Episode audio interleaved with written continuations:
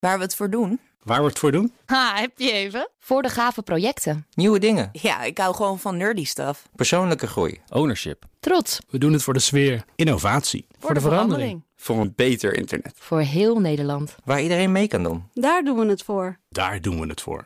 Waar doe jij het voor? Kom werken voor KPN en groei op jouw manier. Check de actuele vacatures op het gebied van data, security, development en networking op jobs.kpn.com/tech. Wetenschap vandaag. Schimmels die op en in de wortels van bepaalde bomen groeien, blijken invloed uit te oefenen op de genen van die boom. En daar gaan we het over hebben met niemand minder dan wetenschapsredacteur Carlijn Meinders. Carlijn, ehm, hebben we de kracht van schimmels een beetje onderschat? Ja, zo zou je dat wel uh, kunnen zeggen. Uh, deze interactie tussen planten en schimmels vertelt Vincent Merks, evolutionair bioloog bij Naturalis. Die is al ongeveer een half miljard jaar.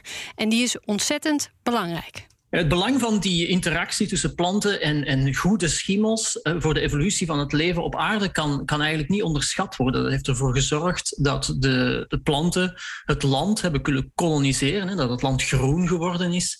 Uh, heeft een enorm effect gehad op het klimaat en, en uiteraard op, op de diversificatie van bijvoorbeeld insecten en, en allerlei andere dieren. Dus, dus uh, in de evolutie van het leven is het ontstaan van die, van die mutualistische, van die samenwerkingsinteractie tussen planten en schimmels ja, uh, bijzonder belangrijk.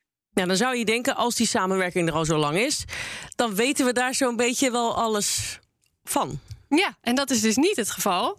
Er wordt uh, nog niet zo heel lang in, in extreem detail gekeken naar die schimmelnetwerken. En ook de techniek om tot op de signaalstofjes in te zoomen is er nog niet gigantisch lang.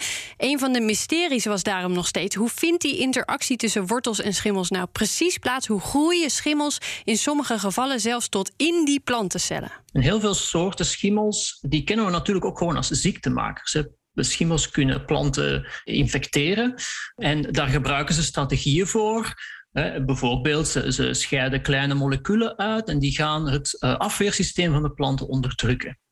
Uh, nu zijn er een aantal schimmels die samenwerken met planten en dat zijn de zogenaamde mycorrhiza-schimmels en dat zijn de schimmels waar hier onderzoek naar gedaan is. Het interessante is, die schimmels die groeien ook de plantenwortels binnen, dus die maken echt fysiek contact met plantenwortels, maar die gaan de plant helpen om voedingsstoffen uit de bodem op te nemen. Die schimmels die doen dat niet voor niets, hè. ze krijgen daar in ruil van de plant uh, suikers voor in de plaats. Maar hoe kan zo'n plant nu eigenlijk herkennen dat zo'n schimmel goede bedoelingen heeft of slechte bedoelingen? En, en, en dat toont dit onderzoek mooi aan. Eigenlijk gebruikt die schimmel dezelfde strategie als een ziektemaker. En wat is die strategie nou precies? Ja, die schimmels, goed of slecht dus, dringen op deze manier de plantenwortels binnen. Door ja, kleine moleculen af te scheiden, microRNA's in dit geval, die het afweersysteem van de plant uh, gaat onderdrukken. Uh, dus die plant die gaat reageren dat er een schimmel binnendringt. Uh, en, en er worden allerlei mechanismen in gang gezet om ja, proteïnes, om stoffen aan te maken om die schimmel te gaan afweren.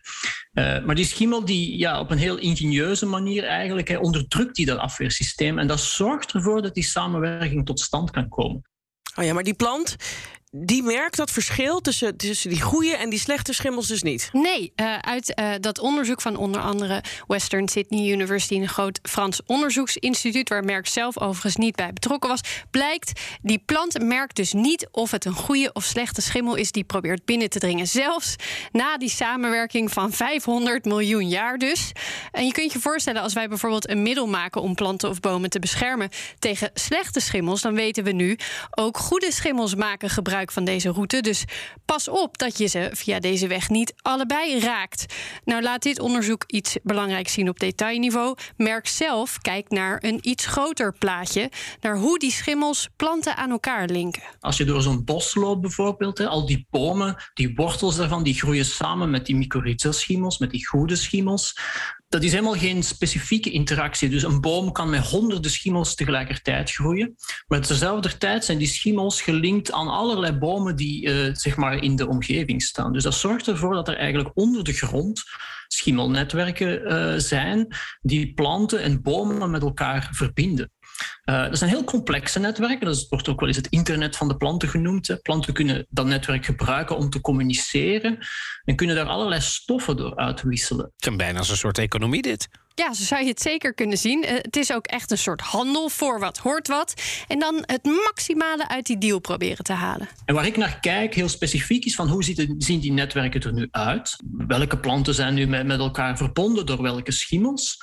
En ik kijk ook naar bepaalde planten in het bos die die netwerken gebruiken om suikers op te nemen. En dat is eigenlijk de omgekeerde eh, stroom. Uh, en er zijn dus planten die in de schaduw groeien, die eigenlijk net niet genoeg licht krijgen om aan fotosynthese te doen. En die gaan die schimmels misbruiken, dat met netwerk eigenlijk misbruiken om aan suikers te komen. En die stelen dus eigenlijk suikers van omliggende planten via gemeenschappelijke schimmelnetwerken. En wat er zo fantastisch is, dat gebeurt dus allemaal. Ik heb vandaag in het bos gelopen. Ja. Dat gebeurt dan allemaal terwijl je daar loopt onder je voeten. Ja, en niet alleen in dat bos, ook in parken met geplante bomen. En, ontdekte Merks vorig jaar al, ook onder Artis.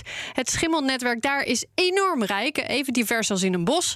En weet je daar genoeg over, over die netwerken, over die rijke bodem? Beetje te vergelijken misschien met onze darmflora in ons lichaam dan kun je die kennis gebruiken om die diversiteit te bewaken of in sommige gevallen te verbeteren. Carlijn, dankjewel. Ook Bas van Werven vind je in de BNR-app. Ja, je kunt live naar mij en Iwan luisteren tijdens de ochtendspits. Je krijgt een melding van Breaking News. En niet alleen onze podcast Ochtendnieuws, maar alle BNR-podcasts vind je in de app. Download nu de gratis BNR-app en blijf scherp.